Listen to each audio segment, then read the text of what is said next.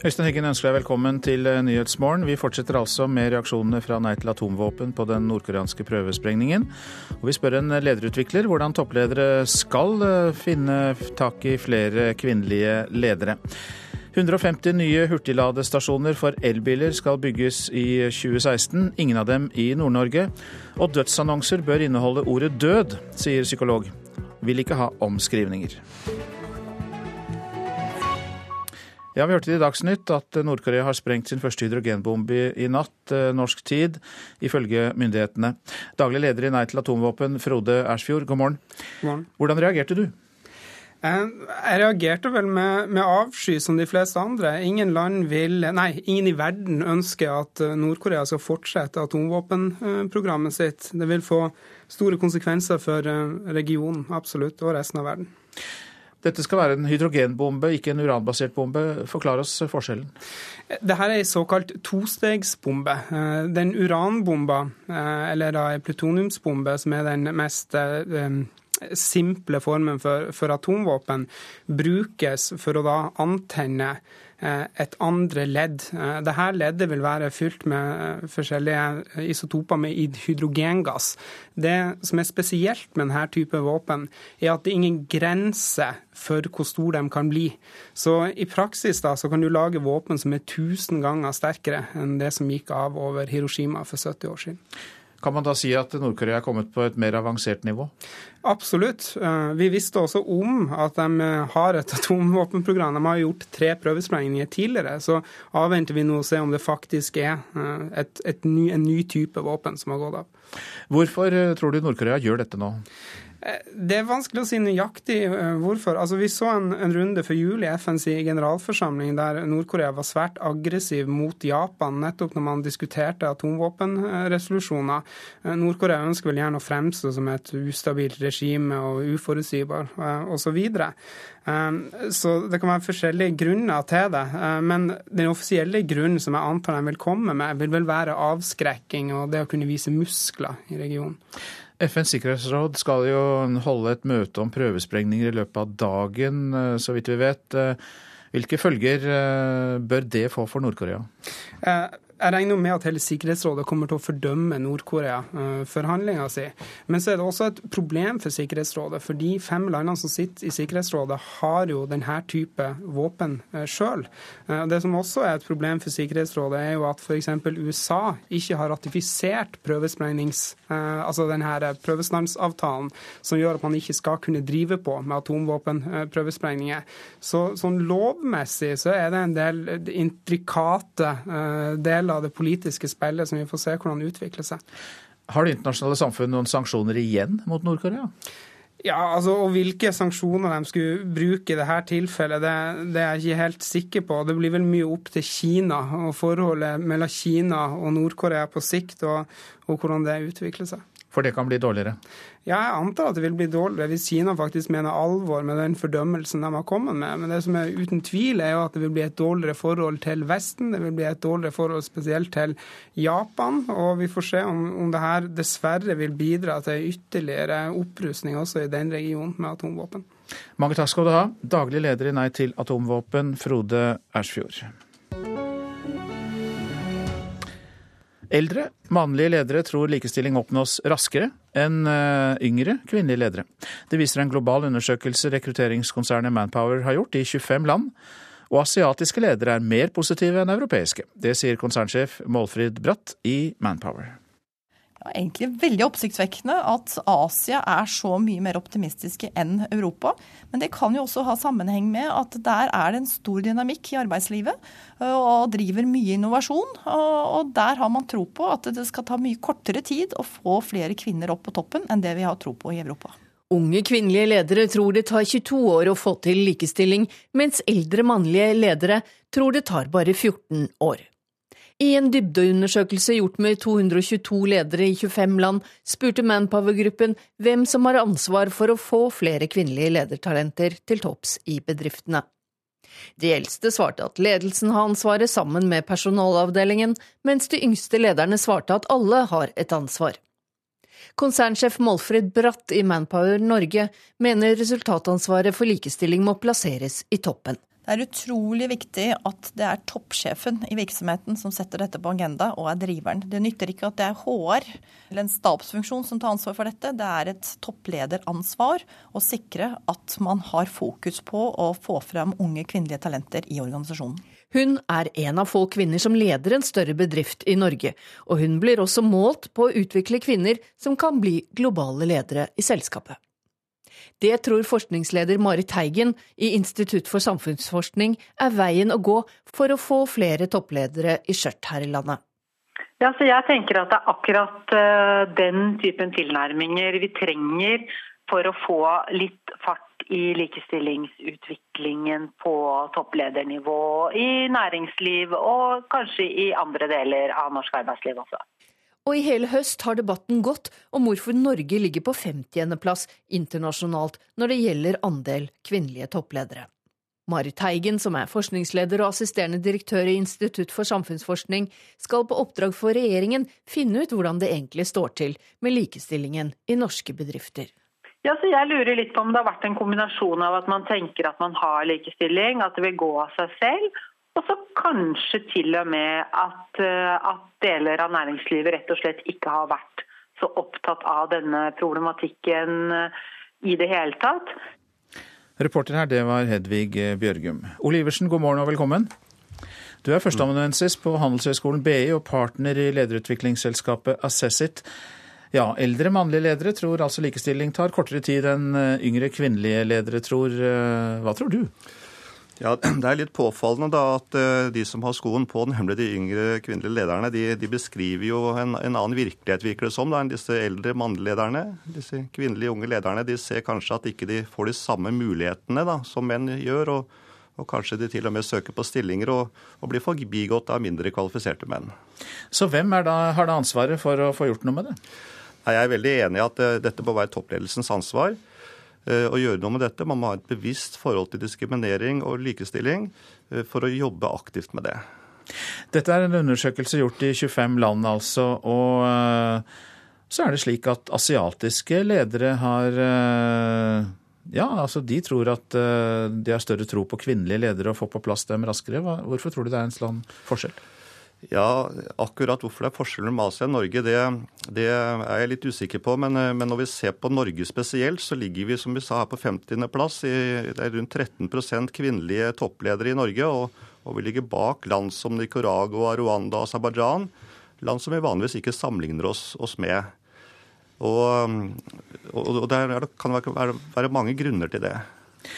Ja, hvordan skal vi bli like gode som Aserbajdsjan? Nei, jeg tenker at En av grunnene er jo at kravspesifikasjonen i utgangspunktet har en tendens til å liste opp opp mannlige eller maskuline trekk. Um, og I tillegg så de, er ofte de prosessene som brukes for å velge ut toppledere, de er ofte prosesser som, som favoriserer menn foran kvinner. Men hvordan kan man gjøre noe med de prosessene? Hva er det i, altså Stillingsutlysningen som du sier, det kan man gjøre noe med, men hva er det med prosessene som kan endres? Jo, når man rekrutterer toppledere, så bør man i større grad ha strukturerte prosesser hvor man bruker gode rekrutteringsverktøy. I dag så, så baserer jo ofte topplederutvelgelse seg kun på intervjuer. Og vi vet at intervjuer som utvelgelsesmetode det har en tendens til å favorisere menn foran kvinner. Hvordan kan man bedre måle om man har oppnådd eh, likestilling? Nei, Jeg tror at man må sette konkrete mål på, på, hvor mange kvinnelige ledere man skal ha. Og så må man jobbe systematisk mot å nå disse målene. Og så må virksomheter også sette i gang egne program for å kvalifisere kvinner til lederstillinger. Takk skal du ha, Ole Iversen, som altså er førsteamanuensis på BI og partner i lederutviklingsselskapet Assassit. Så skal jeg si litt om det avisen er opptatt av i dag. Flere mobbere må flyttes, sier Torbjørn Røe Isaksen til Dagsavisen. Kunnskapsministeren mener det er feil at mobbeofre må bytte skole. Vi bør i større grad flytte mobberne når andre tiltak ikke virker, sier han.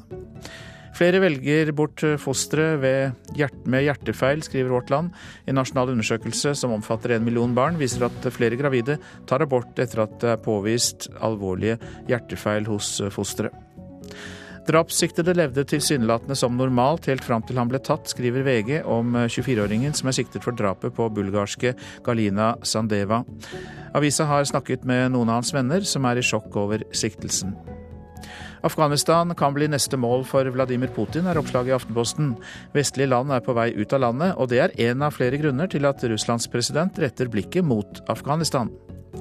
Supplyskip som ligger i havn i Bergen, slipper ut klimagasser tilsvarende 4800 biler, skriver Bergens Tidende. Bergen kommune ønsker at skipene blir sendt bort når lufta blir for dårlig i byen, men har ventet i to år på svar fra Klimadepartementet. Det er et eh, sjansespill å ta boligtvister til retten, er oppslaget i Dagens Næringsliv. Anette Bull og hennes mann fikk medhold i retten i at huset de hadde kjøpt hadde fukt- og muggskader. Likevel ble det idømt saksomkostninger på nesten en halv million kroner. Privat eh, utleie er blitt Tromsøs største hotell, er oppslaget i Nordlys. Mange privatpersoner leier ut boligene sine via nettet. 300 av dem via Airbnb. Bruk loven mot Airbnb, det er oppfordringen fra NHO Reiseliv. Direktør Kristin Krohn Devold sier til Klassekampen at boliger ikke må brukes som hoteller, og at ulovlig drift ikke må gripe om seg under dekka delingsøkonomi. Sylvi Listhaug byr Kristelig Folkeparti på konkurranse om kristne velgere. Det kan vi lese i avisa Dagen. Fremskrittspartiets innvandrings- og integreringsminister har ofte latt seg intervjue av medier med kristent tilsnitt, og båret kors når hun er blitt intervjuet, skriver avisa. Men KrF frykter ikke konkurranse, sier Knut Arild Hareide, som sier han skal ha en real, real politisk debatt med Listhaug om det som er viktig. Årets Tour de Ski kan bli den siste for Dario Colonia. Sveitseren har vunnet toren hele tre ganger, men astma kan sette en stopper for deltakelse neste år, sier han selv. Ja, not too good. Nei, det går ikke så bra for Dario Colonia. Sveitseren dominerte Tour de Ski mellom 2008 og 2013 med tre seire, én andreplass og én tredjeplass. Men dette har blitt et problem. Nemlig hostingen pga. astma. And then I was struggling a little bit with, uh, with. Det plager ham så mye at en konkurranseform som Tour de Ski har blitt for tungt. Hosting mellom konkurranser og på kvelden og natten er så slitsomt at han tror dette blir hans siste tur, og han vurderer å heller satse på enkeltdistanser i verdenscup og store mesterskap. I don't know if I, yeah, the, the tour is something in the future for me. I maybe have to, to go on a single race and uh, on big championships. Vi, vi, sliter med litt det samme, og, og jeg har hørt at Are hoster, han hører sikkert at jeg hoster. og uh, Det er noen i feltet som får det verre enn andre, og han er en av de som kanskje har det verst. Jeg skjønner han godt. Sier Martin Jonsrud Sundby, som i likhet med Kolonia sliter med astma og har ofte problemer med lungene. Både jeg og Dario har eh, en, eh, en stor utfordring i astma og, og lunger. og den, den, sykdom, altså den belastningen for, for kroppen som Torn er. Når man sliter med dårlige lunger, så så er det trøblete. og det skjønner Jeg skjønner Daru godt i forhold til den vurderingen, men eller jeg håper likevel at han ligger litt dårlig an nå. Så han, han, eh, jeg håper han har lyst til å prøve seg ta en seier igjen eh, de kommende sesongene. Dario Colonia vil fullføre årets Tour de Ski, men tror ikke han klarer å komme på seierspallen til slutt.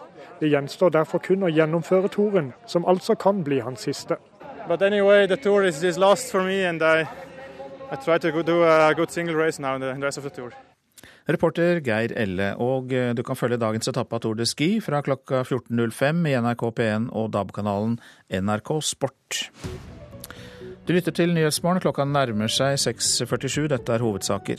Nord-Korea har utført landets første vellykkede prøvesprengning av en hydrogenbombe, heter det i en kunngjøring på statlig fjernsyn.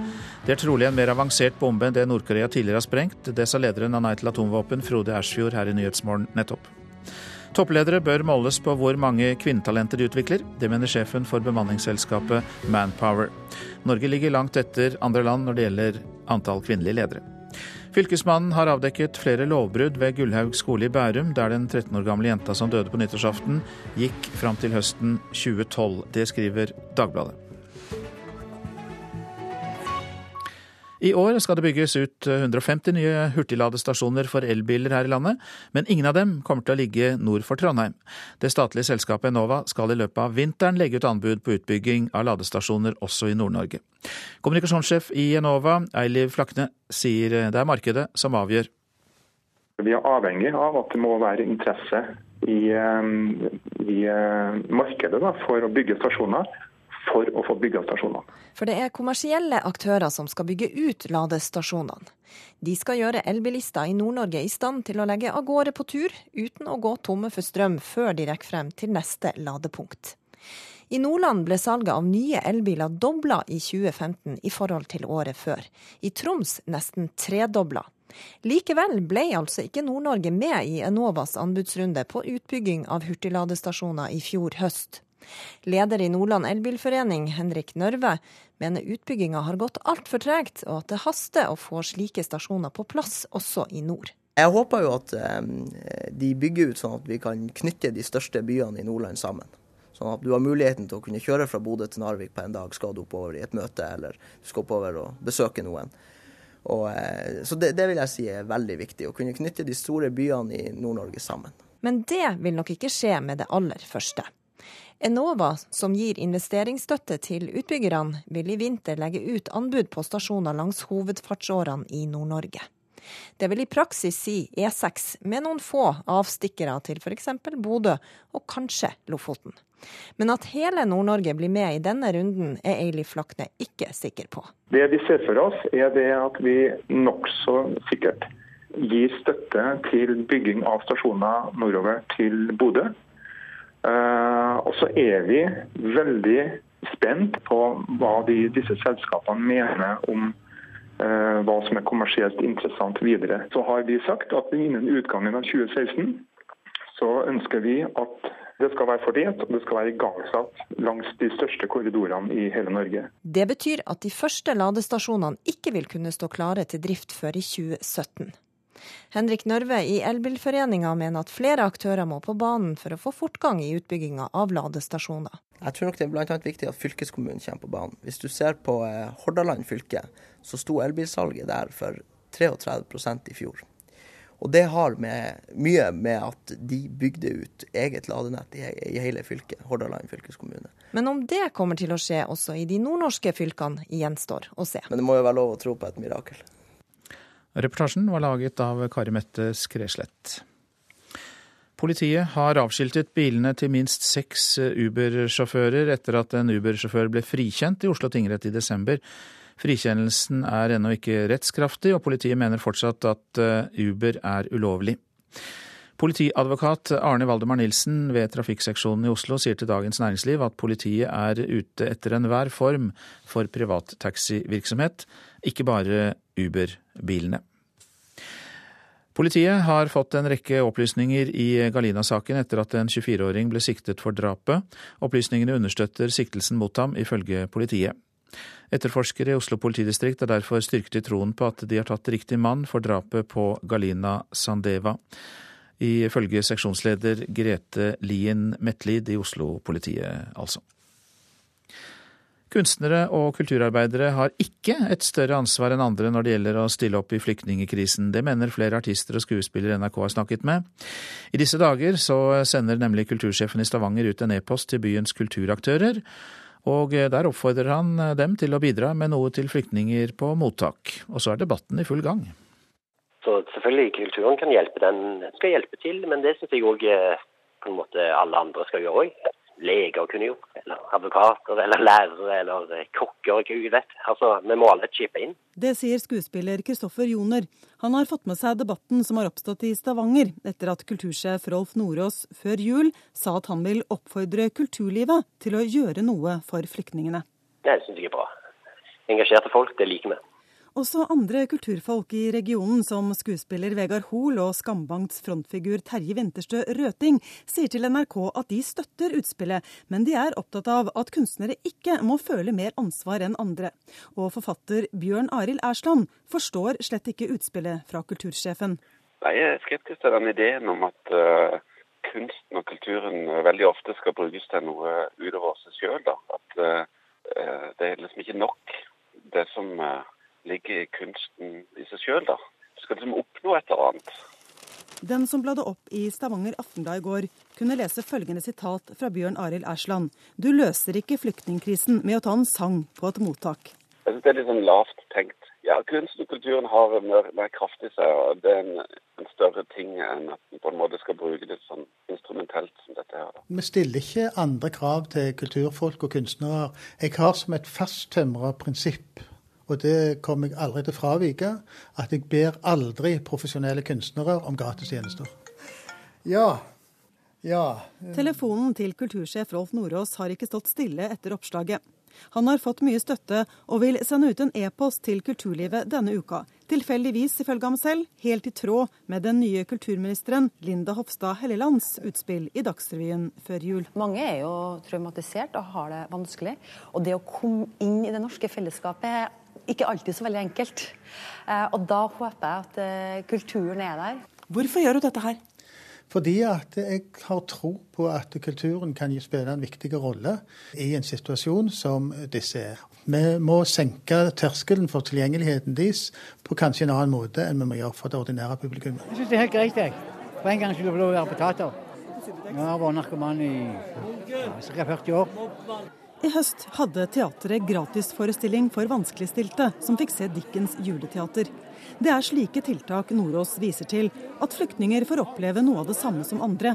Det skal være frivillig, og det kan søkes om støtte fra kommunen. Vi tror at et godt kulturtilbud vil bidra til at vi gjør hverdagen enklere for flyktningene. Reporter Anette Johansen Espeland. Et kinesisk selskap har gjort flere oppkjøp i Rogaland, bl.a. av et hotell. Planen er å sende turister til turistmålet Prekestolen i Lysefjorden. Konsernet Empery kjøpte Verkshotellet på Jørpeland for 20 millioner kroner ved nyttår, og har planer om å kjøpe to naboeiendommer og få disse omregulert til hotellformål. Det skriver Stavanger Aftenblad. Etter det avisa kjenner til, har selskapet søkt om visum til sine ansatte som skal planlegge, bygge og drifte reiselivssatsingen i Rogaland. Dødsannonser bør inneholde ordet død. Det mener en psykolog i Bergen som har gått gjennom Bergens Tidende og funnet ut at 70% av dødsannonsene omtaler døden som å sovne stille inn og gå bort, eller eh, andre omskrivninger. Hos begravelsesbyrået Jølstad på Grefsen i Oslo er det tomt og stille.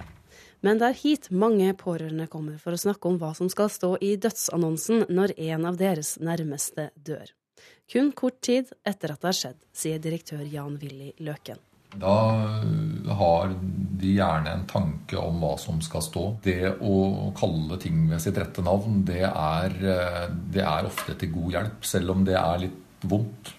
Mange velger nemlig å ikke bruke ordet død i dødsannonser, ifølge psykolog ved Senter for krisepsykologi i Bergen, Elin Hordvik. Det som er mest betenkelig i det, sånn som jeg oppfatter det, det er at eh, spesielt overfor barn at eh, det blir en ullen forklaring. Det blir uforståelig ullen forklaring som barn ikke kan ta til seg. Tre uker i fjor høst leste hun alle de 215 dødsannonsene i Bergens Tidende. Over syv av ti inneholdt ikke verbet døde. Folk flest sovnet inn eller gikk bort. Dette syns hun er problematisk. Det er vanskelig å se for seg at døden er kan forskjønne at den er brutal og vond og sår, og må møtes som noe kanskje brutalt, men iallfall vondt og sårt for et barn uansett. Og Da må det gjøres med omsorg og med forklaringer og oppfølging av barnet, og ikke i at en tåkelegger eh, begrepet død. Man kan like greit eh, bruke døde for min del. Folk vi traff på gata i Oslo i går, syntes det var best å bruke ordet død i dødsannonser. Hva syns det er verre med frasen 'sovnet inn', sånn i forhold til barn og sånn.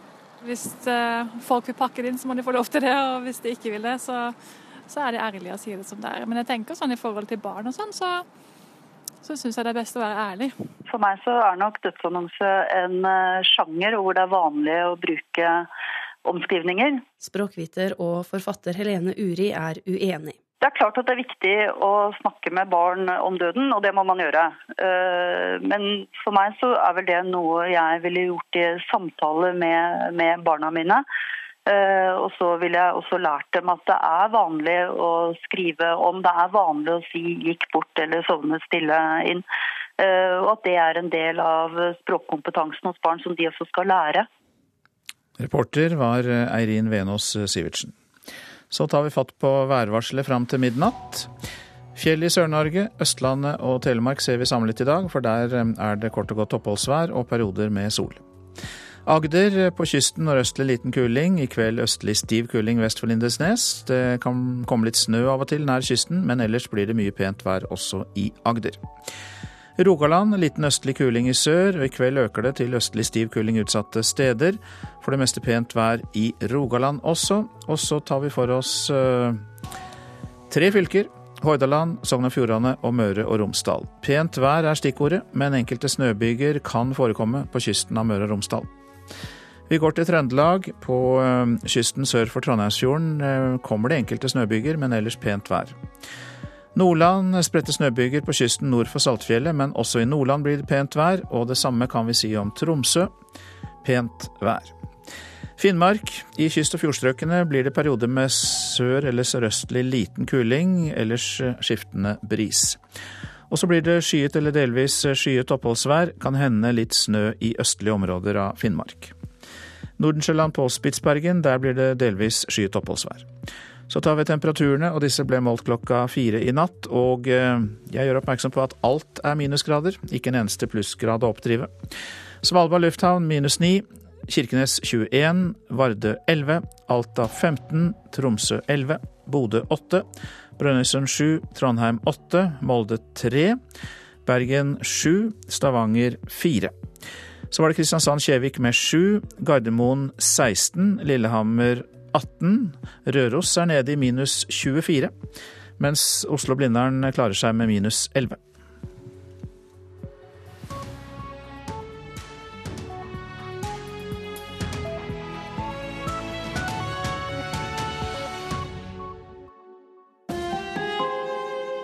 Hør ekko. De så kolleger bli drept, raketter og granater slå ned. De ble brannskadd, traumatisert og deretter bedt om å tie om opplevelsene. Norske sjømenn som jobbet i Persiagulfen på 80-tallet, har vært stille lenge. Nesten 30 år etter krigen forteller de nå for første gang om det som skjedde. Ekko 9 11 i NRK P2. FNs sikkerhetsråd innkaller til hastemøte om Nord-Koreas prøvesprengning. Det hjelper lite på dårlig byluft å tilby folk gratis reise med kollektivtransport. Det mener Veidirektoratet.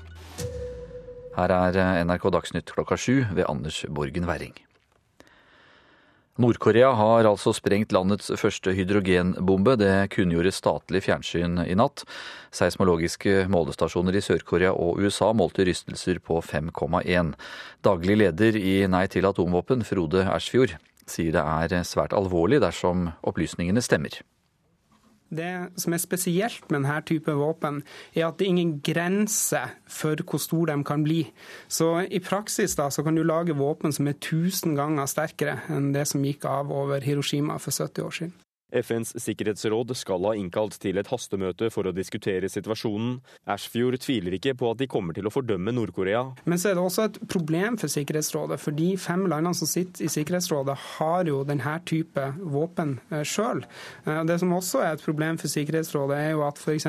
USA ikke har ratifisert prøvesprengnings, eh, altså denne prøvestansavtalen, som gjør at man ikke skal kunne drive på med atomvåpenprøvesprengninger.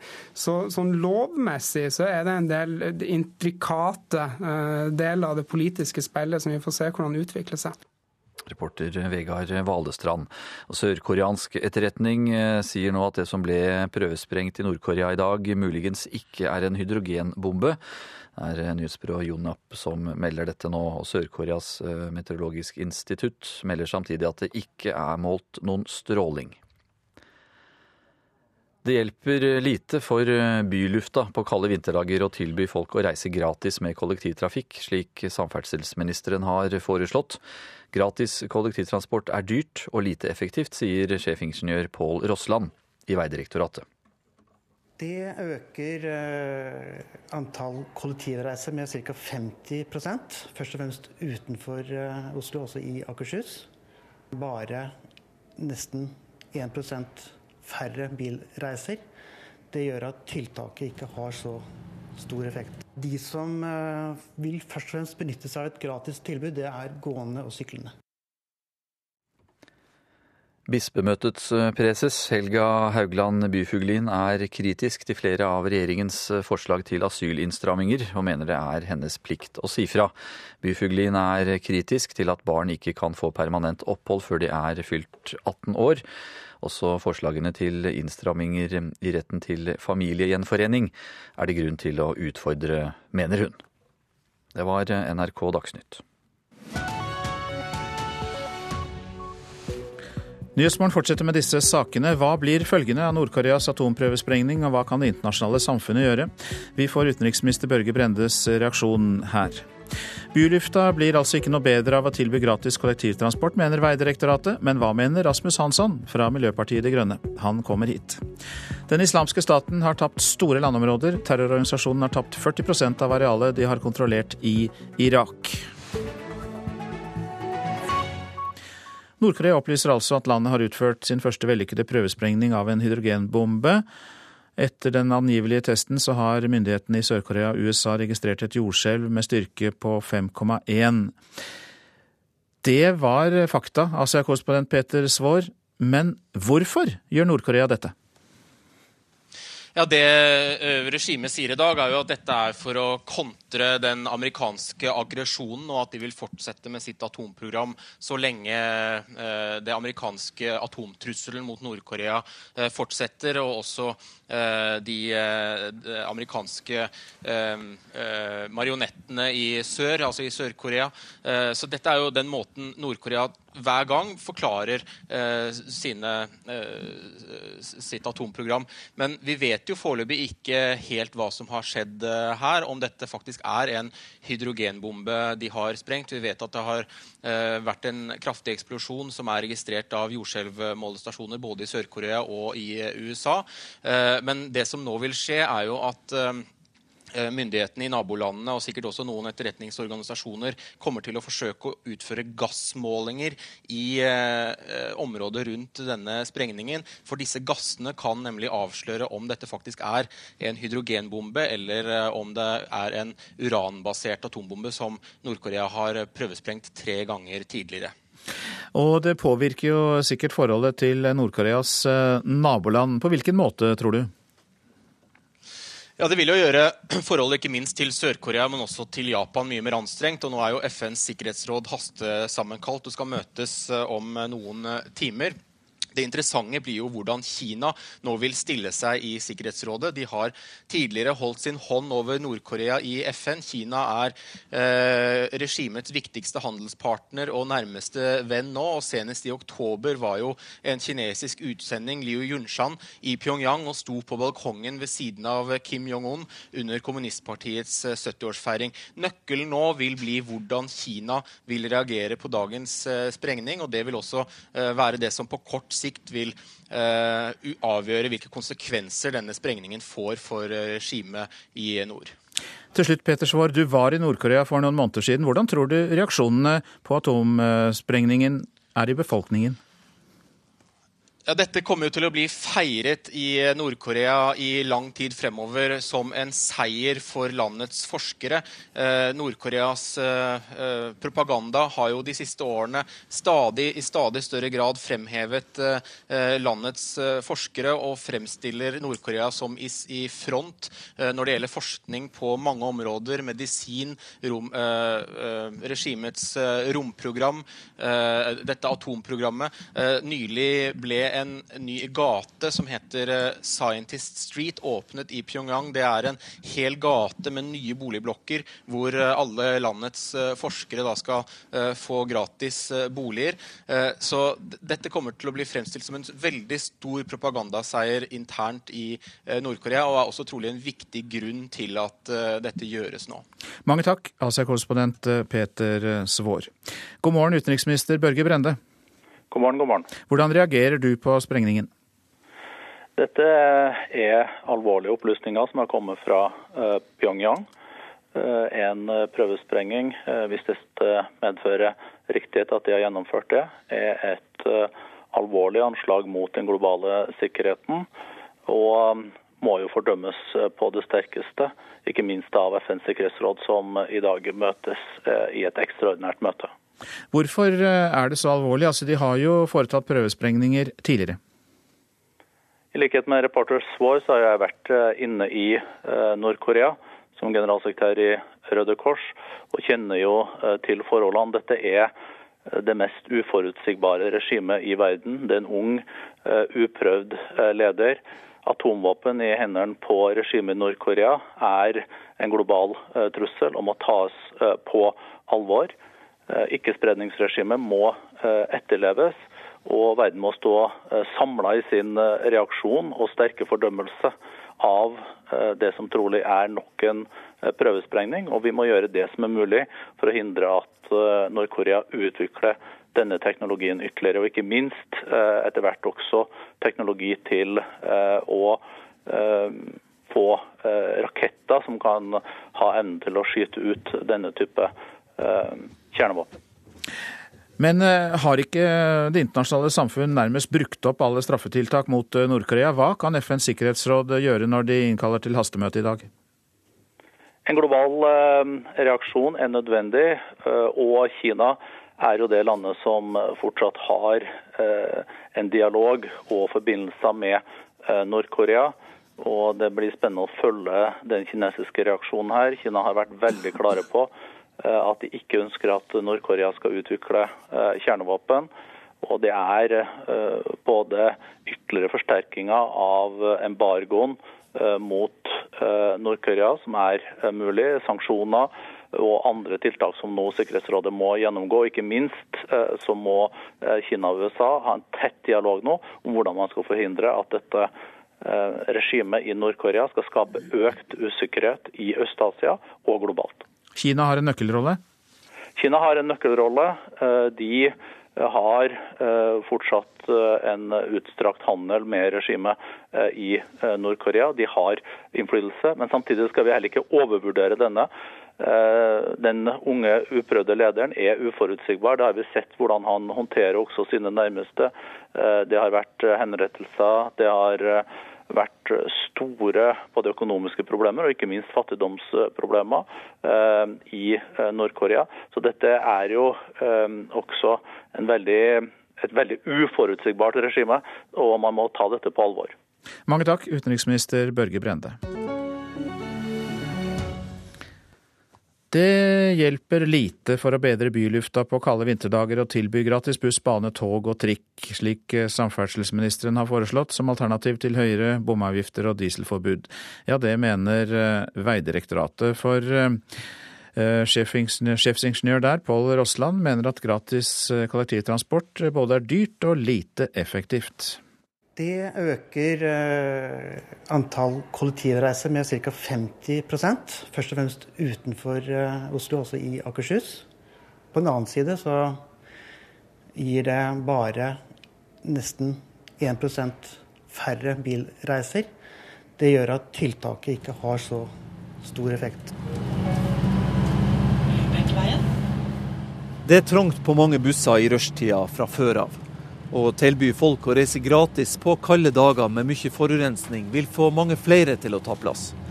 Da blir det enda trangere på bussen, men den blir ikke først og fremst fylt opp av folk som ellers kjører bil, sier sjefingeniør Pål Rossland i Vegdirektoratet. De som eh, vil først og fremst benytte seg av et gratis tilbud, det er gående og syklende. Så da er vi eh, like langt? Da skjer det en overgang fra, eh, fra relativt miljøvennlig transport til en buss da, som har faktisk litt utslipp. Men du får ikke noe særlig reduksjon i biltrafikken? Nei, det kompenseres ikke. Noe særlig slik at reduksjonen blir ikke så stor. Det er på kalde vinterdager når lufta står stille at særlig storbyene Oslo, Bergen og Stavanger sliter med luft som er så dårlig at det kan gå på helsa løs. Men også byene Drammen, Moss, Tønsberg og Sandnes kan slite med for mye nitrogendioksid. I høst fastslo Transportøkonomisk institutt og Urbanett Analyse at det mest effektive tiltaket i Oslo er å tidoble bomavgiften for dieselbiler på utsatte dager. Det er altfor drastisk, mente samferdselsminister Ketil Solvik-Olsen, og foreslo altså gratis kollektivtransport i stedet for. Det lar seg ikke gjøre i praksis, sier kommunikasjonsrådgiver i Ruter, Øystein Dahl Johansen. Det vil jo bl.a. kreve at man har svært mange busser med sjåfør i reserve, som da kan settes inn på kort varsel. Veidirektoratet og forskerne holder fast på at en kraftig økning av bomavgiften for dieselbiler er det billigste og mest effektive på enkelte dager, sier Pål Rossland. Ja, Det er et av de eh, tiltak som vi har undersøkt, og sett at det er relativt eh, mye billigere enn, eh, å gjennomføre gratis kollektivtransport. Samferdselsminister Ketil Solvik-Olsen foretrekker fortsatt gulrøtter framfor pisk, selv om ekspertene sier det ikke er særlig effektivt. Det er godt mulig det ikke er effektivt hvis målet er å minimere statens utgifter, heller maksimere deres inntekter. Da er det jo bedre å tidoble bompengesatsene sånn som de foreslår. Jeg mener vi skal prøve å være service-minded overfor befolkningen. Vi er til for dem. Og da er det å gi dem et gratis alternativ bedre enn å tidoble prisen. Reportere her Kjartan Røslett og Milana Knesjevic. Rasmus Hansson, god morgen. God morgen. Du er stortingsrepresentant for Miljøpartiet De Grønne. Ja, Samferdselsministeren vil bruke gulrot istedenfor pisk. Hva mener du? Gratis kollektivt, eh, det gir jo tross alt bare 1% færre biler, sa Vegdirektoratet. Vi trenger selvsagt begge deler, og det eneste oppsiktsvekkende med denne debatten er at man later som man ikke vet det veldig godt. Eh, Miljøpartiet De Grønne har i Oslo fått med seg Arbeiderpartiet og SV på at vi skal redusere biltrafikken i Oslo med 20% innen 2020 og med 33% innen 2030. Eh, og det er fordi vi vet at det er det som får ned forurensningen. Norsk institutt for luftforurensning er f.eks. helt klar på akkurat det. Men så må vi jo samtidig bygge ut eh, kollektivtransporten systematisk og helhetlig for å erstatte Eh, kapasiteten som de bilene vi fjerner eh, eh, utgjør. Ja, Men Ruter sier jo her at de ikke klarer å levere så stor ekstrakapasitet på busser og baner at de kan ta de få dagene i året det er snakk om så stor forurensning? Ja, men Vi snakker ikke om de få dagene i året. Vi snakker om å redusere biltrafikken i de store byene. Og det er det som er det eneste tiltaket som nytter. Dette må gjøres ikke bare som nålestikkmanøvre når grenseverdier er eh, overskredet. Det må gjøres som en helhetlig samferdselspolitikk, og det er det vi kommer til å gjøre. Og Grunnen til at luftforurensningen ikke har gått ned i norske byer, det er at ingen partier før har turt å gå løs på elefanten i rommet, som er veldig mange biler. De har økt kollektivtilbudet mange steder, men de har altså ikke redusert biltrafikken. Det tør Miljøpartiet De Grønne gjøre, og det er det som kommer til å føre til redusert uh, forurensning. Og det er det Veidirektoratet i virkeligheten sier, og det er det alle forskerne sier. Ja, altså Vi hørte samferdselsminister Ketil Solvik-Olsen uh, sa at myndighetene bør faktisk også være service-minded. Er de ikke redd for at uh, folk vil uh, komme hardt tilbake mot dere når dere vil ha alle disse tiltakene Nei, eh, vi er temmelig trygge på at folk for det første vil bli glad for at det ikke er farlig å være ute i norske byer på, eh, på kalde vinterdager fordi forurensningen er så høy. Og vi er sikre på at folk vil bli glad for at det blir et godt kollektivtilbud og bedre plass på veiene fordi det blir bli færre biler. Er altså den politikken som Norge har trengt i veldig mange år, men som vi nå kommer til å gjennomføre. Tidoblet bompengeavgift? Ja, Om det er tidoblet eh, bompengeavgift, eller i hvert fall mye høyere, så er det ganske enkelt ikke tvil om at de forurensende bilene må bort. Og det må skje gjennom en kombinasjon av uh, strengere uh, krav til luftkvalitet, gjennom bompenger og andre reguleringer mot biler, og gjennom at salg av biler vris kraftig mot nullutslippsbiler. Til slutt, hva er ditt budskap til den enslige forsørgeren som nå hører på dette programmet, sitter i bilen, har levert i barnehage og må på jobb, er avhengig av bil? Han som er avhengig av bil, kommer til å fortsette eller hun, eh, med, unnskyld, unnskyld, eh, kommer til, å, kommer til, å, fortsette å få lov til å kjøre bil. Det er alle de veldig mange som ikke er direkte avhengig av den bilen, som skal over på kollektiv og sykkel og gange. Hvis vi reduserer biltrafikken med 33% innen 2030, så blir det fortsatt mange som kan kjøre bil på veier med god plass, og så blir det mange som vil ta eh, kollektivtransport og bruke beina, og det blir bra for alle. Det perspektivet fikk vi fra Rasmus Hansson, stortingsrepresentant for eh, Miljøpartiet De Grønne. Etter omtalen av eh, at en 13-åring døde på en hytte i Valdres, så oppfordrer nå politiet alle til å vise varsomhet i det de skriver på sosiale medier. 13-åringen skal ha blitt mobbet gjennom lengre tid, eh, og mange av kommentatorene på sosiale medier er truende overfor de barna som blir påstått å ha stått bak vi syns òg at det er viktig for oss å gå ut og mane til forsiktighet overfor eh, yngre medborgere. Slik at vi ikke skaper nye offer i en alvorlig sak. Det sier Linn Hilde Fosso, som er påtalesjef i Innlandet politidistrikt. I noen av kommentarene på Facebook blir medelever omtalt som barnemordere, og Unicef har fått henvendelser fra fortvilte foreldre som ikke vet hva de skal gjøre. Man må eh, rett og slett eh, overlate til oss å etterforske saken, og at man må være, vise forsiktighet i forhold til hvordan man, eh, man uttaler seg i sosiale medier i en alvorlig sak. Det store spørsmålet nå er hvilken rolle barnevern og skole har hatt i en sak der mange stiller spørsmål ved oppfølgingen av familien. Politiet oppfordrer alle til ikke å ta stilling til skyldspørsmålet, og forsikrer at både enkeltpersoner og etater blir etterforsket. Vi skal etterforske bredt, også i forhold til andre etater, eh, hva gjelder eh, denne eh, historien. Hun understreker også at selv om moren er siktet, er ikke det en endelig konklusjon om at hun er ansvarlig for omsorgssvikt. Og Det er jo en rettssikkerhetsgaranti i det eh, siktelsesmomentet. Og jeg, Vi opplever at det er viktig å formidle at eh, en eh, etterforskning tar sikte på å avklare eh, momenter som taler for og taler mot, og derfor går man ut bredt i en etterforskningsfase på en alvorlig sak som dette. Og det var påtalesjef Linn Hilde Fosso, intervjuet av Dag Kessel. Dette er Nyhetsmorgen. Klokka nærmer seg 7.19. Dette er hovedsaker. Nord-Korea har gjennomført sin første vellykkede prøvesprengning av en hydrogenbombe. Det kunngjorde statlig nordkoreansk fjernsyn i natt. Bylufta blir ikke noe bedre av å tilby gratis kollektivtransport, mener Vegdirektoratet. Økt bompengeavgift er mer effektivt. Fylkesmannen har avdekket flere lovbrudd ved Gullhaug skole i Bærum, der den 13 år gamle jenta som døde på nyttårsaften, gikk fram til høsten 2012. Det skriver Dagbladet.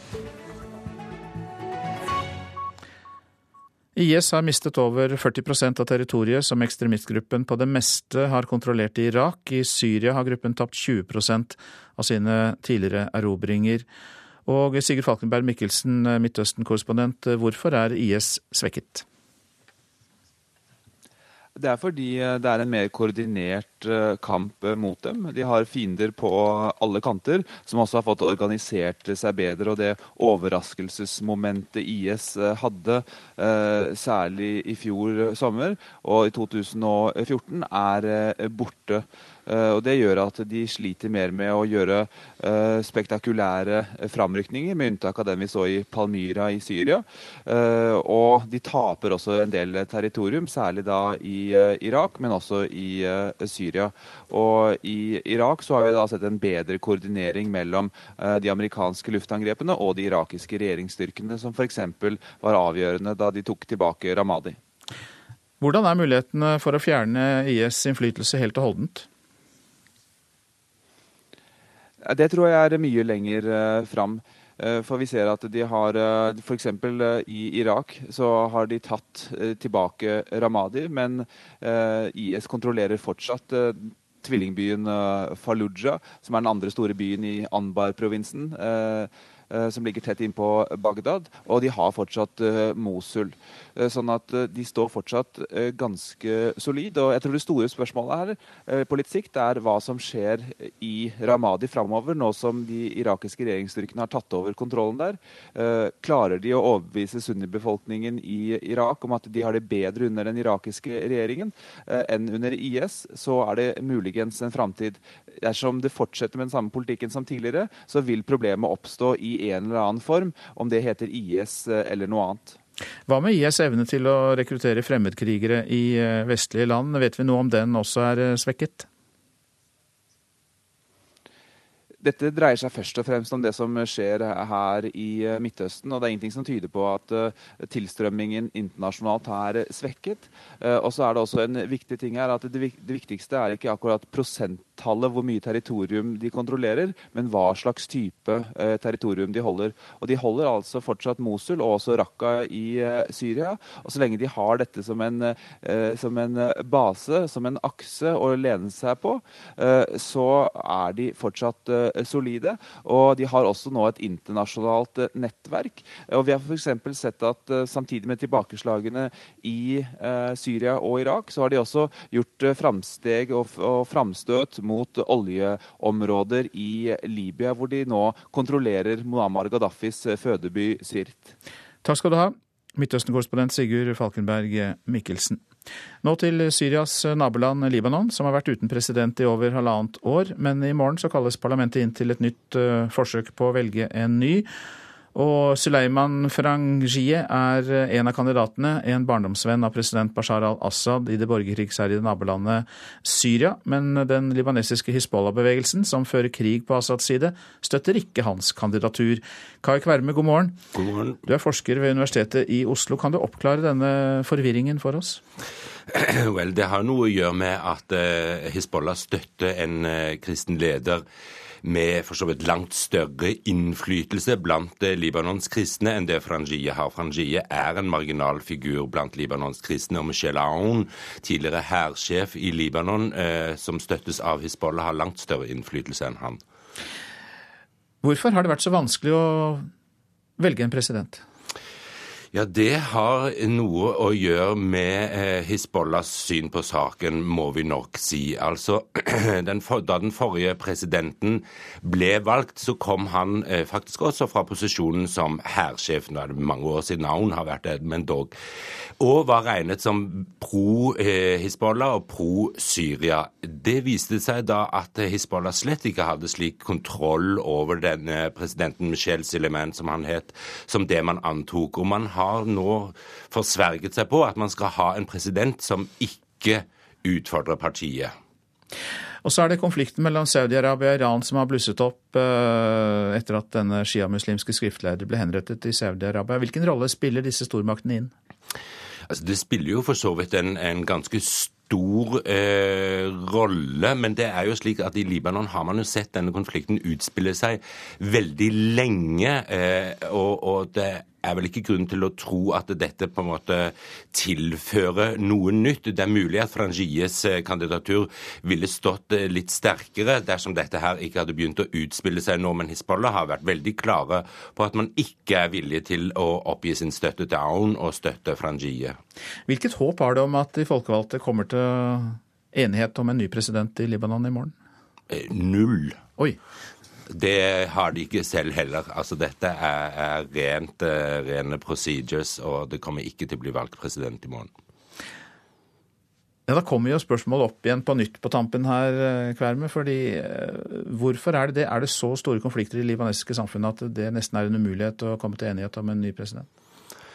Well, altså På mange måter er det libanesiske samfunnet veldig dypt splitta. Dette er jo et uttrykk for dette. Hizbollah deltar fysisk på krigen i Syria på regimets side, mens man har da en opposisjon eh, eh som absolutt ikke gjør det, og som støtter kampen mot, eh, mot Assads regime. ikke sant? Så Det er jo enda et eksempel på hvor holdt på å si, altomfattende omfattende denne splittelsen faktisk er. Og det, det gir seg slike utslag. Det gir seg for så vidt også utslag som at parlamentsvalget ikke har blitt avholdt, og at det nåværende parlament det sitter bare på en forlengelse. Siste valg ble holdt i, i 2009 og skulle vært holdt nytt i 2013, har ikke blitt avholdt. Problemene med å være Syrias naboland tydelig der, Kai Kverme. Hjertelig takk skal du ha for at du kom til Nyhetsmorgen. Du er forsker ved Universitetet i Oslo. Så skal jeg si litt om det eh, avisene har på sin eh, dagsorden. Flere av mobberne må flyttes, sier Torbjørn Røe Isaksen til Dagsavisen. Kunnskapsministeren mener det er feil at mobbeofre må bytte skole. Vi bør i større grad flytte mobberne når andre tiltak ikke virker, sier han. Flere velgere velger bort fostre med hjertefeil, skriver Vårt Land. En nasjonal undersøkelse som omfatter en million barn, viser at flere gravide tar abort etter at det er påvist alvorlige hjertefeil hos fosteret. Drapssiktede levde tilsynelatende som normalt helt fram til han ble tatt, skriver VG om 24-åringen som er siktet for drapet på bulgarske Galina Sandeva. Avisa har snakket med noen av hans venner, som er i sjokk over siktelsen.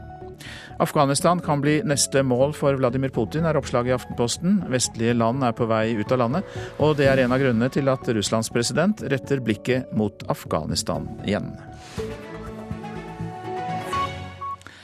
13. dag jul, hellig tre kongers dag eller eh, epifania.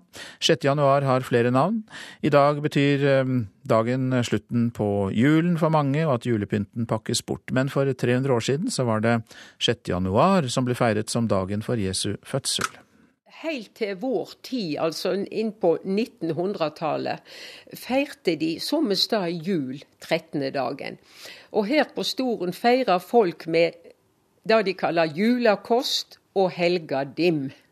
Kalenderen viser 13. dag jul, men juletreet til den pensjonerte norsklektoren Kari Lønning Aarø på Stord får stå noen dager til. Hun vet mye om mangt, og deler gjerne av kunnskapen.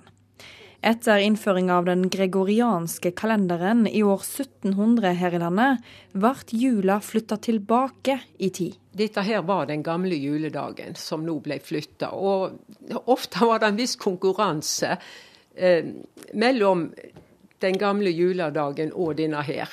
For eh, folk er gammeldagse, og de likte ikke denne endringa. Og lenge holdt de på den gamle juledagen den, eh, den 6. januar. Og feirte egentlig ei tid, begge to. Hva forbinder du med 13. dag jul? At da, må jeg, da må jeg ta vekk alt som jeg har hengt rundt om. Må du da? da? Jeg må det, syns jeg. Ja. 13. dags Knut jager jula ut, heter det i gamle dager. Hellig tre kongers dag, kjenner dere da begrepet? Er det det, altså? Ja. Det er jeg ikke sikker på. Det der tre konger var det de som kom med, med alt det der til han som var født i stallen da, da? Ja. Nei, 13. dag jul, da, skal jeg, da er jula ferdig etter det gamle. Og da får vi prøve å holde på ei stund til. Hva forbinder du med 13. dag jul? Da er julenissen skal slutte. Nei, nå, nå, tok du meg på sparket. På 13. dags jul har ikke jeg ja, Hva er det? det ja, Det er jula som går ut og regner de. Det er jo det før i gamle dager. Men jeg er hedning, jeg sier det, så jeg er ikke Jeg går han. Reporter her, det var Marte Rommetveit. Du lytter til Nyhetsmorgen. Produsent i dag, Elin Pettersen. I studio, Øystein Heggen. I reportasjen etter Dagsnytt kan du høre om en av USAs verste miljøkatastrofer som fortsatt pågår. Og i Politisk kvarter møtes eh, Erna Solberg og Jonas Gahr Støre til duell.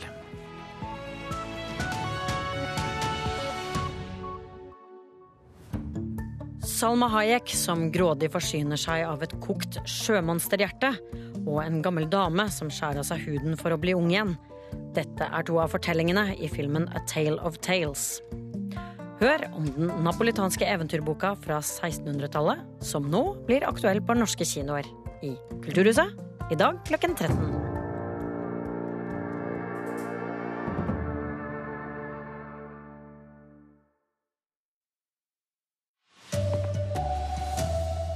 Nord-Korea hevder å ha prøvesprengt en hydrogenbombe.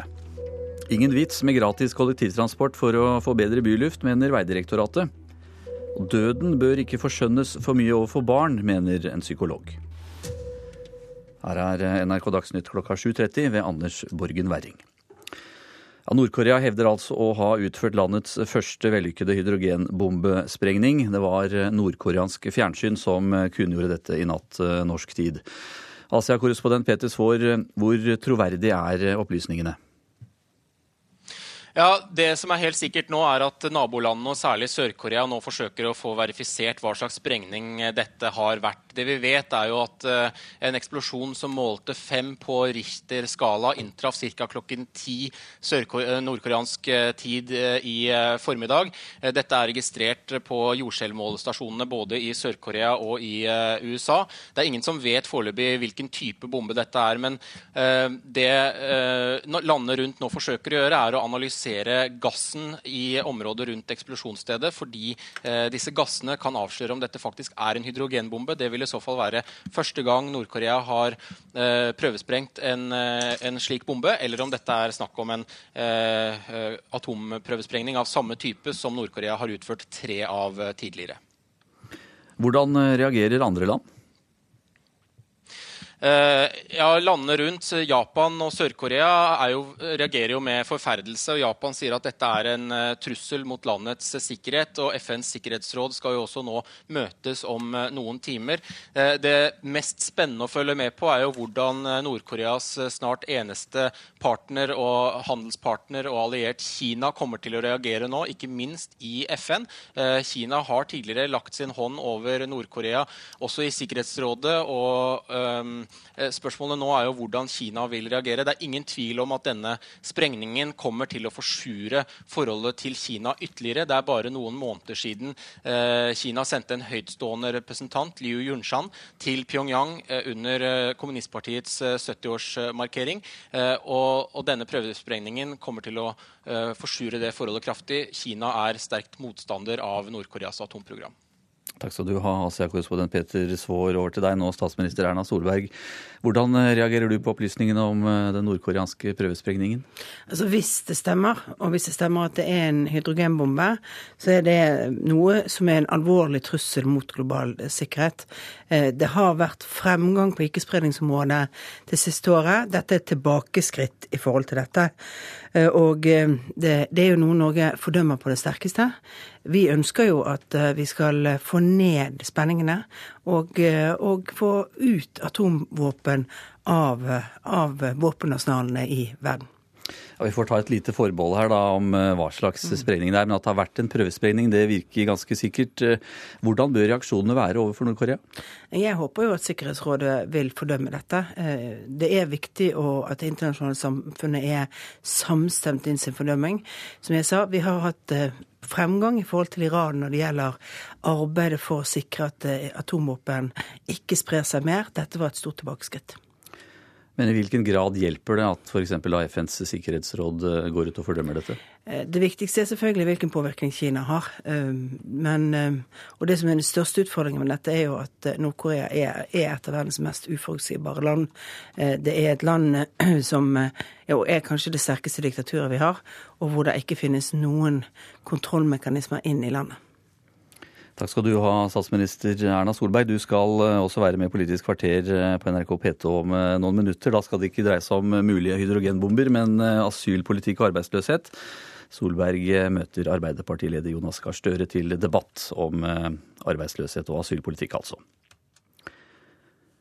Det hjelper lite for å bedre bylufta på kalde vinterdager å tilby folk å reise gratis med buss, bane, tog og trikk, slik samferdselsministeren har foreslått som alternativ til høyere bomavgifter og dieselforbud. Gratis kollektivtransport er dyrt og lite effektivt, sier sjefingeniør Pål Rossland i Vegdirektoratet. Det øker eh, antall kollektivreiser med ca. 50 først og fremst utenfor eh, Oslo, også i Akershus. Bare nesten 1% færre bilreiser. Det gjør at tiltaket ikke har så stor effekt. Å tilby folk å reise gratis på kalde dager med mye forurensning vil få mange flere til å ta plass. Men den blir ikke først og fremst fylt opp av folk som ellers kjører bil, sier sjefingeniør Pål Rossland i Vegdirektoratet. De som eh, vil først og fremst benytte seg av et gratis tilbud, det er gående og syklende. Det er på kalde vinterdager når lufta står stille at særlig storbyene Oslo, Bergen og Stavanger sliter med luft som er så dårlig at det kan gå på helsa løs. Men også byene Drammen, Moss, Tønsberg og Sandnes kan slite med for mye nitrogendioksid. I høst fastslo Transportøkonomisk institutt og Urbanett Analyse at det mest effektive tiltaket i Oslo er å tidoble bomavgiften for dieselbiler på utsatte dager. Det er altfor drastisk, mente samferdselsminister Ketil Solvik-Olsen og foreslo altså gratis kollektivtransport i stedet for. Det lar seg ikke gjøre i praksis, sier kommunikasjonsrådgiver i Ruter, Øystein Dahl Johansen. Det vil jo bl.a. kreve at man har svært mange busser med sjåfør i reserve, som da kan settes inn på kort varsel. Samferdselsminister Ketil Solvik-Olsen foretrekker fortsatt gulrøtter framfor pisk. Jeg mener vi skal prøve å være service-minded overfor befolkningen. og Da er det å gi dem et gratis alternativ bedre enn å tidoble prisen. Reportere Kjartan Røslett og Milana Knesevic. Det er innført datokjøring innenfor ytre bompengering i Bergen i dag. Bare de med partall på registreringsnummeret får kjøre i sentrum. Likevel blir det trolig ingen straff for dem som kjører med oddetallsnummer. Bergenspolitiet sier de ikke har ressurser til å skrive ut bøter. Eldre mannlige ledere tror likestilling oppnås raskere enn yngre kvinnelige ledere. Det viser en global undersøkelse rekrutteringskonsernet Manpower har gjort. Konsernsjef Målfrid Bratt sier topplederne må ta ansvaret for å utvikle kvinnelige lederemner i bedriften. Det er utrolig viktig at det er toppsjefen i virksomheten som setter dette på agenda og er driveren. Det nytter ikke at det er HR eller en stabsfunksjon som tar ansvar for dette. Det er et topplederansvar å sikre at man har fokus på å få frem unge kvinnelige talenter i organisasjonen. Hun er en av få kvinner som leder en stor norsk bedrift. Manpower-sjef Målfrid Bratt blir målt på å utvikle kvinner som kan bli globale ledere i selskapet. Og det er en god vei å ta, sier forskningsleder Marit Teigen i Institutt for samfunnsforskning. At det er akkurat eh, den typen tilnærminger vi trenger for å få litt fart i likestillingsutviklingen på toppledernivå i næringsliv og kanskje i andre deler av norsk arbeidsliv også. Unge kvinnelige ledere tror det tar 22 år å få likestilling, mens eldre mannlige ledere tror det tar bare 14 år. Det viser en dybdeundersøkelse gjort med 222 ledere i 25 land av Manpower-gruppen. Norge ligger på 50.-plass internasjonalt når det gjelder andel kvinnelige toppledere. Konsernsjef Målfrid Bratt blir litt lei iblant. Det gjør jeg absolutt. Og jeg sier ofte til, til, kvinner at vi må ha et ansvar selv også for å ta på oss en litt stor skjorte og vokse inn i den skjorten. Litt frustrerende at vi ikke går raskere den utviklingen som vi skulle tro i Norge har alle forutsetninger for å være på topp i verden, og det er vel langt fra. Reporter Hedvig Bjørgum. Østfoldbanen er nå helt stengt mellom Oslo S og Ski pga. feil på sporet. NSB ber folk ta alternativ transport, men det er få busser og drosjer. I samtaler med barn er det viktig at døden behandles som vond og sår og ikke forskjønnes, mener psykolog Elin Hordvik etter å ha sett nærmere på dødsannonser. På gata i Oslo er folk enige. Man kan like greit eh, bruke døde for min del. Og syns det verre med frasen 'sovnet inn', sånn i forhold til barn og sånn. Hvis uh, folk vil pakke det inn, så må de få lov til det, og hvis de ikke vil det, så, så er det ærlig å si det som det er. Men jeg tenker sånn i forhold til barn og sånn, så, så syns jeg det er best å være ærlig. Det blir uforståelig og ullen forklaring som barn ikke kan ta til seg. Psykolog Elin Hordvik publiserte nylig et blogginnlegg der hun tok for seg alle de 215 dødsannonsene som sto på trykk i Bergens Tidende i løpet av en treukersperiode. Over sju av ti annonser inneholdt ikke verbet døde. Folk flest sovnet inn eller gikk bort. Men særlig i møte med barn er det viktig at døden presenteres som vond og sår, og ikke forskjønnes, mener hun. Og Da må det gjøres med omsorg og med forklaringer og oppfølging av barnet, og ikke i at en tåkelegger eh, begrepet død. For meg så er nok dødsannonse en eh, sjanger hvor det er vanlig å bruke omskrivninger. Forfatter og språkforsker Helene Uri ville heller forklart barna sine at det er vanlig å snakke om døden med andre ord. Og at det er en del av språkkompetansen hos barn som de også skal lære. Reporter Gjermund Jappé. Og det er eh, Arild Svalbjørg som har ansvaret for NRK Dagsnytt i dag.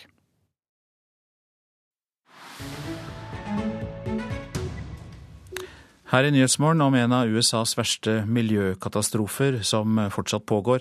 Siden oktober har en gasslekkasje i Alice Canyon like utenfor Los Angeles sluppet ut 1200 tonn av klimagassen metan hver dag. Flere tusen mennesker er evakuert fra området rundt gassanlegget. Our top story this week a massive gas leak from a Southern California gas company. I'm calling this a catastrophic event. Our best estimates at this point is that this relief well process could take three to four months. Can this explode? State air quality regulators, in fact, estimate that this leak is equivalent to 25% of the entire state of California's daily Bystyret i Los Angeles diskuterer det som trolig er den største miljøkatastrofen i USA akkurat nå. Siden slutten av oktober har nemlig en gasslekkasje i et gassanlegg i Elson Canyon i California sluppet ut 1200 tonn av klimagassen metan hver eneste dag. Og det får konsekvenser for de som bor i området. I can't work in here. I can't breathe in here sometimes. When that wind blows off that hill, comes down that fireplace, the gas comes in here, I can't work. Forteller Matt Pekuko, som til daglig jobber som musikkprodusent, og som nå er en av de over 2200 familiene som så langt har måttet flytte fra sine hjem. Og ytterligere over 3000 venter på å bli evakuert. Den amerikanske miljøorganisasjonen Environmental Defense Fund publiserte like før jul en video som viser hvordan store mengder av metangass spruter ut av et borehull, og de kaller dette en av de aller største miljøkatastrofene de har sett. Faktisk så stor er denne gasslekkasjen at den nå står for 25% av Californias totale utslipp av klimagassen, og miljøorganisasjoner har omtalt dette som den største miljøkatastrofen siden eksplosjonen på borgerriggen Deepwater Horizon i Mexicogolfen i 2010. Og den kommer ikke til å slutte med det første. For arbeidet med å bore en avlastningsbrønn har nettopp startet, og vil ikke bli ferdig før i månedsskiftet februar-mars. Først da kan de fastslå hva som forårsaket gasslekkasjen. Once uh, the leak is stopped, we'll be able to evaluate what caused the leak, and we uh, will be able to evaluate how much natural gas escaped. Forteller Mike Missari fra selskapet Southern California Gas Company, som driver anlegget. Nå har lokalbefolkningen anlagt et rettslig søksmål mot selskapet, og krever erstatning for både lukt og evakuering. Og tilbake i musikkstudioet til Matt Bakuko er han frustrert over situasjonen. Beyond frustrating, it's, it's a new way of life now. We can't live in our homes. I mean, how, how worse does it get? Reporter Christian Aanensen. Hør ekko. De så kolleger ble drept, raketter og granater slå ned. De ble brannskadd, traumatisert og deretter bedt om å tie om opplevelsene. Norske sjømenn som jobbet i Persiagulfen på 80-tallet, har vært stille lenge. Nesten 30 år etter krigen forteller de nå for første gang om det som skjedde. Ekko 9 11 i NRK P2. Dette er Nyhetsmorgen, og dette er hovedsaker. Nord-Korea hevder å ha prøvesprengt en hydrogenbombe. Det er en alvorlig trussel mot global sikkerhet og et stort tilbakeskritt i arbeidet mot spredning av atomvåpen, sier statsminister Erna Solberg. Ingen vits med gratis kollektivtransport for å få bedre byluft, mener Vegdirektoratet. Det reduserer bare biltrafikken med 1% Eldre mannlige ledere tror likestilling oppnås raskere enn yngre kvinnelige ledere tror. Det viser en global undersøkelse rekrutteringskonsernet Manpower har gjort.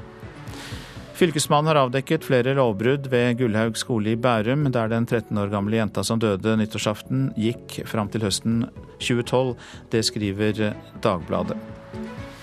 Østfoldbanen er nå helt stengt mellom Oslo og Ski pga. feil på sporet. NSB ber folk ta alternativ transport. Det er få ekstra busser og taxier tilgjengelige. Og Vi tar også med at Finland og Estland vil se om det er mulig med en undersjøisk jernbanetunnel under Finskebukta mellom Helsingfors og Tallinn, og søker den økonomisk støtte fra EU, skriver det finske nyhetsbyrået FNB. Tunnelen skal angivelig koste rundt 120 milliarder kroner, og um, togreisen i tunnelen fra Helsingfors til Tallinn vil komme til å ta rundt 30 minutter, skriver NTB. Så gjør vi oss klare til Politisk kvarter, og der er Astrid Randen programleder.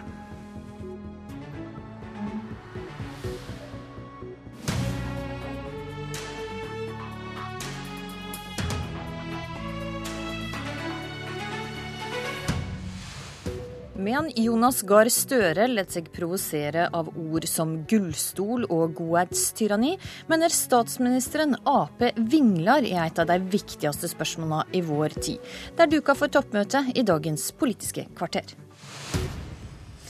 Jonas Gahr Støre, leder i Arbeiderpartiet. Du mener regjeringa taler med to tunger i flyktningdebatten. og hva sier de to stemmene du hører? Det er jo det vi har sett i løpet av høsten, at Fremskrittspartiet har hatt eh, to tunger i seg selv. Ett på Stortinget og ett i regjering.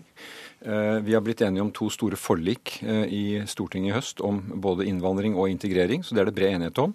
Og så pågår det en sånn stemme på utsiden som da markerer andre synspunkter enn det.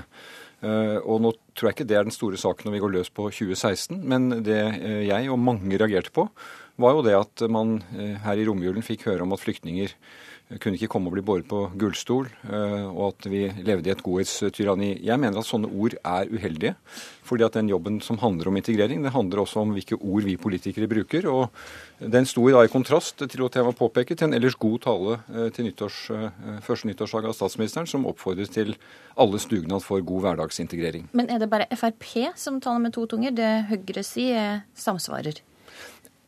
Det var hovedsaken disse uh, uttalelsene jeg reagerte på. Og jeg mener at Fremskrittspartiet har jo lagt sine forslag på innvandring til side. Altså, de har jo hatt forslag om at de skal ta imot maks 1000 i året, opplette leire i Europa så sent som bare for noen få år siden. Det er lagt til side. Det er jo det store nye i norsk politikk. Og så har vi fått to brede forlik eh, i høst. Eh, men at Fremskrittspartiet da har behov for å opprettholde en retorikk hvor de snakker om mennesker, snakker om det som er utenfor, eh, det har vi sett i høst. Og jeg håper at vi kan nå legge det bak oss, fordi stortingsflertallet har bidratt til å lage to store forlik som bør gi regjeringen et godt utgangspunkt for å gjøre den jobben som nå må gjøres. Mm. Statsminister Erna Solberg fra Høyre, vil en legge retorikken som Frp har brukt til nå bak seg? For det første så er det sånn at det ikke er to, eh, altså at det er to ulike budskap. Det er faktisk et budskap som er det samme, men det er to ulike ting vi forsøker å gjøre opp samtidig. Vi jobber med innstrammingene som skal til for at vi kan håndtere flyktningekrisen, som skal gjøre at Norge skal ta sin del av de som kommer, men vi skal ikke ta en for større del enn andre. Og det er, jo, eh, det er jo sånn at vi nå har en situasjon hvor mange land strammer inn. Derfor så er det nye politikkområder som det strammes inn på, i forhold til det alle partier på Stortinget tidligere har foreslått, rett og slett fordi vi ikke kan stå annerledes enn andre. Så det, det andre vi gjør, som ikke helt klarer å ha disse to berømte tankene i hodet samtidig? Det andre vi gjør samtidig, det er at vi ser veldig tydelig at de som kommer her, skal integreres på en god måte. Og Derfor så jobber vi da på bakgrunn av det vi er blitt enige om på Stortinget, og med andre forslag på hvordan vi skal få til integreringen enda bedre i årene fremover.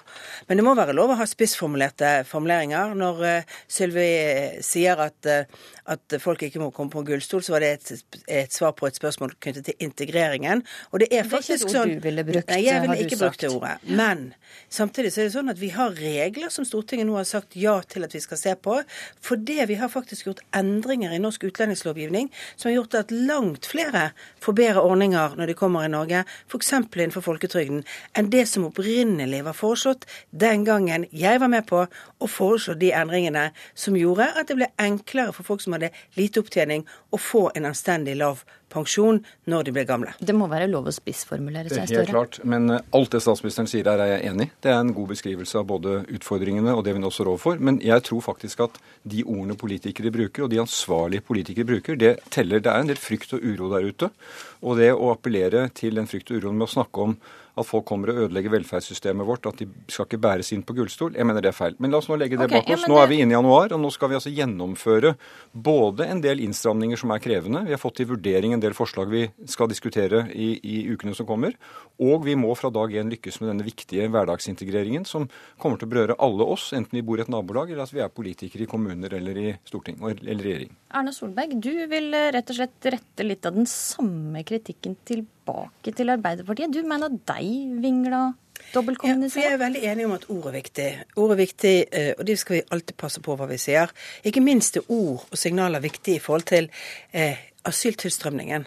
Og det er klart at Når Arbeiderpartiet på landsmøtet i år byttet ut streng asylpolitikk med human asylpolitikk, og deres, eh, deres talsperson på området på det tidspunktet sa at dette var faktisk en politikkendring, ja, så var det et signal som ble sendt ut. Og det jeg har vært veldig opptatt av, er at vi ikke må sende signaler om at Norge blir mer liberal.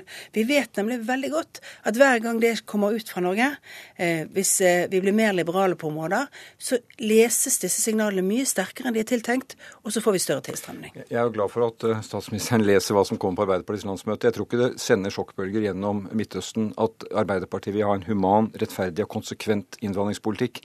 Vi har stått for gjennom lang tid at den skal være streng og rettferdig.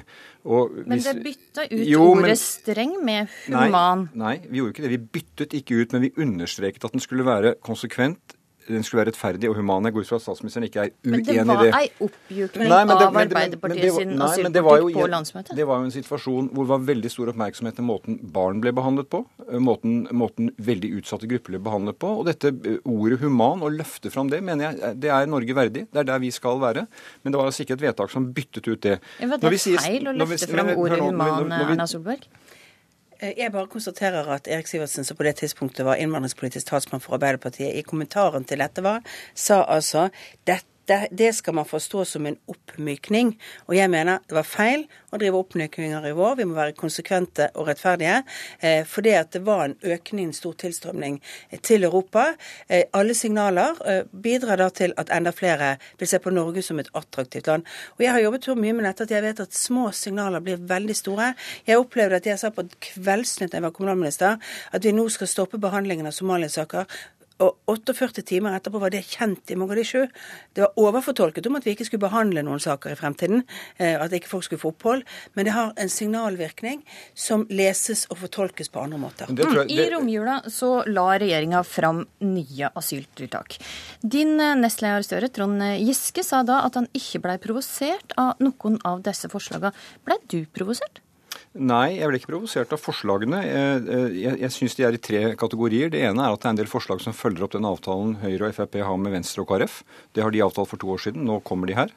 En del av dem er å lese av asylavtalen som vi inngikk før jul, eh, som Arbeiderpartiet også er med på, hvor regjeringen skal komme med forslag. Detaljene får vi se på. Og En tredje kategori var at regjeringen har vurdert, vil vurdere, eh, tenke på ting. Er det noen av disse forslagene du ikke kan godta?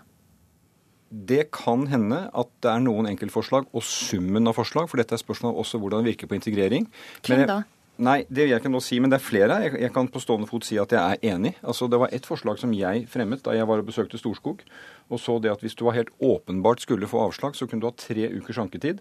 Den burde reduseres. Det sa politimyndigheter og andre. Det er et av forslagene som er her. Og jeg mener at det, det må være slik som er en hovedsetning fra forliket vårt før jul at Norge må ikke ha et regelverk som skiller seg så mye fra nabolandene, eller skiller seg fra nabolandene som gjør Norge spesielt attraktivt pga. regelverket. Det er vi enige om i Stortinget. Hvordan det da følges opp i de enkelte forslagene, det må vi diskutere. Og det er, det er, det er Det kommer skjerpa krav til at du må ha inntekt over 300 000 og være i jobb eh, eller under utdanning i tre år hvis du skal få permanent opphold. Er du sammen i dette kravet? Nei, ikke avvise det. Eh, det å ha inntektskrav, at du kan forsørge deg selv og de som kommer. Det at du har eh, på en måte kommet i gang med integrering i Norge. Om akkurat summen er den rette, det får vi se på. Nå er dette på høring ute i mange ekspertmiljøer som skal gi tilbakemeldinger. Men Arbeiderpartiet har tidligere ment at det skal være et forhold mellom ytelse og det du selv bidrar med. Mm. Og dette tror jeg faktisk, hvis du lytter til også mange av de som nå sitter på mottak og venter, at de ønsker å komme i arbeid, ønsker å bidra, ønsker å komme i en slik situasjon som er beskrevet her. Erna Solberg, hvordan skal du skape jobber til de mange tusen nye innvandrerne vi allerede sliter med høy arbeidsløshet her i landet?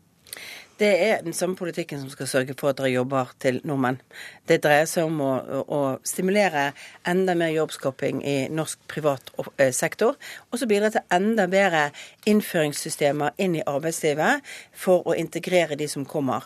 Man trenger eh, et introduksjonsprogram som fungerer enda bedre enn det eh, det gjør i dag. Det har gode resultater, men det er for mange som går for lenge før de kommer ut i sin første jobb. Det har hele Stortinget sagt at vi må forsøke å få til. Jeg føler at praksis er blitt litt annerledes enn det loven sa. For loven har veldig klart i formålsparagrafen sin den gangen at man skal jobbe for å få eh, Altså at denne loven ikke skal være sånn at folk er tre år eller to år på, på et introduksjonsprogram. Du skal raskest mulig ut i jobb, sånn at den ikke skal være til hinder. Men det er nok blitt mer sånn. Vil du oppfordre arbeidsgivere til å tilsette flyktninger i stedet for nordmenn, eller Nei, arbeidstakere fra jeg, jeg, jeg mener, jeg, for det, det, viktigste vi gjør, er å skape flere jobber fremover. Norges største utfordring det er at vi må skape flere jobber som er i stand til å betale skatt i fremtiden. Vi må skape flere lønnsomme, varige jobber. Og det er viktig både for, for, de som skal integreres i det norske samfunnet, men for vanlige nordmenn. Men det er altså slik at under halvparten av flyktningene oppfyller dette kravet for å få permanent opphold i dag. Og hvis han da ikke får seg jobb, og dermed ikke får oppholdsløyve etter å ha vært her i, i fem år, hva skjer med det da? Det samme som skjer i Tyskland. Altså, dette, dette, er et eksempel på et område hvor vi har sett på hva gjør, gjøres i andre land. I Tyskland får du ikke permanent oppholdstillatelse før du faktisk kan forsørge deg selv. Det betyr at du fortsatt får midlertidig eh, arbeidstillatelse, og så blir du vurdert på nytt igjen. Men er ikke det negativt for integreringen? Nei, faktisk. Dette er positivt for integreringen. Jeg har vært gjennom mange av disse debattene før. Når jeg innførte inntektsgrense for familiegjenforening, så var det mange som sa at dette kommer til å være vanskelig for integreringen. Og den evalueringen som kom etterpå, sier at det var flere som kom seg i jobb. Det var bedre for den langsiktige integreringen. Men, og det skal vi ikke undervurdere, det er tøft for de som venter, både de som venter på å komme til Norge, å komme tilbake til resten av familien og de som er i Norge. Så det har selvfølgelig alltid noen litt vanskelige sider ved seg. Det skal ikke vi underslå. Men den langsiktige virkningen for det norske samfunnet, at vårt budskap er veldig klart fra dag én. Tiden når du kommer her, det å klare å forsørge seg selv, det må være hovedmålet ditt. For da klarer du også både å være bedre foreldre for barna dine, og du klarer å mestre livet i Norge. Og vi får færre av de langsiktige fattigdomsproblemene. Auka arbeidsløshet og eh, auka innvandring utfordrer det norske likhetssamfunnet, sier du? Jo, men altså, La oss gå tilbake til å si at økende arbeidsledighet er Norges største problem. Eh, Og Der er vi jo tilbake til en debatt som er veldig viktig, og som er kommet i skyggen i høst av flyktningsituasjonen. Og det er at vi har en situasjon med økende ledighet, særlig i noen deler av landet. Og vi har etter min mening en regjering som gjør for lite, kommer på etterskudd i forhold til det. Det er et blandet bilde. Noen steder i landet går det veldig bra, men på Sør-Vestlandet knyttet til eh, olje- og gassindustrien, leverandørindustrien, så går det dårlig. Og Regjeringen de var veldig opptatt av at de skulle legge frem en krisepakke som var mye større enn Arbeiderpartiets forslag. Nå er den pakken nærmest blitt borte gjennom budsjettbehandlingen i Stortinget i høst. Og på en lang rekke områder så drar de altså bena etter hverandre. Jeg vil ta ett eksempel, for dette handler jo om å skape arbeider til de ledige hendene. Det er jeg helt enig i. Men her bruker man tradisjonell høyrepolitikk. Det er en svietro på skattekuttene. Det er å se at dette skal på en måte gå seg til. Jeg tror vi må bruke flere tiltak for å få i gang aktivitet. Og så må vi, i forhold til de som mister jobben, ha gode ordninger for å sørge for at de beholder kompetansen og nærhet til bedriften. Jeg vil gjenta her. Arbeiderpartiet har foreslått at vi bør gjeninnføre 52 uker permitteringsregelverk, slik at du ikke blir sagt opp, men kan være i permittering. Ni av ti av de som er permittert, de blir Solberg få svare på alle de angrepspunktene De som kommer i jobb, der. og det hører du når du besøker industribedrifter, at det å ha kontakt med kompetansen, det er deres viktigste investering. Og her gjør regjeringen for lite, og det tror jeg vi kan komme til å betale dyrt for. Krisepakka er borte, og permitteringsreglene bør eh, bli endra, Solberg. Krisepakka er ikke borte, men det er, det er sånn at vi bruker litt mindre penger på veivedlikehold og litt mer på jernbanevedlikehold, f.eks. Så det at i de forhandlingene vi hadde i Stortinget, så byttet man hvor man gjorde det, altså på hvilke sektorer man gjør, man gjør en del av de tiltakene som lå i krisepakken, mens vi har altså da fortsatt kommer til å styre de midlene i hovedsak mot de områdene med høy ledighet, f.eks. på vedlikeholdssatsingen. Fordi vi er opptatt av at folk skal være i arbeid, aktivitet, samtidig som vi klarer å gjennomføre den langsiktige omstillingen. Skattekutt er viktig for å skape de nye arbeidsplassene. Det eh, trodde jeg også Arbeiderpartiet var for. Det er jo derfor vi har lagt frem en stor reform av skattesystemet, for at belastningen for, skatt, for, for norske bedrifter Det- det- Og det er også hoveddelen av de endringene som ligger i året, altså budsjettet for i år på skattesiden, er knyttet til å skape de nye arbeidsplassene og senke belastningen for skatt. det på. Det, det er faktisk oppfølging av det arbeidet Arbeiderpartiet satte i gang med å sette ned selskapsskatten. Det er den store skattereformen. Men den politikken dere har ført til nå, med andre skattekutt, som skal føre til ledighet Deres egne rapporter, at ledigheten ned, deres egne rapporter viser at det ikke virker. Og det er en sånn tradisjonell høyrepolitikk å si bare vent og si. Bare vent og se. Får vi disse skattekuttene med veldig usosial profil, som rammer veldig skjevt, så skal vi få nye jobbene. Men det det i tillegg fører til, det er at ulikhetene øker, forskjellene øker, og det mener jeg, erfaring viser, reduserer omstillingsevnen vår. Og der fikk du dessverre, Erna Solberg, så fikk Jonas Gahr Støre det siste ordet i dagens Politiske kvarter. Takk for at eh, det kunne komme. Denne sendinga er slutt. I studio i dag var eh, Astrid Randen. Du hører oss hver ukedag klokka kvart på åtte på P2, eller ser oss på NRK1.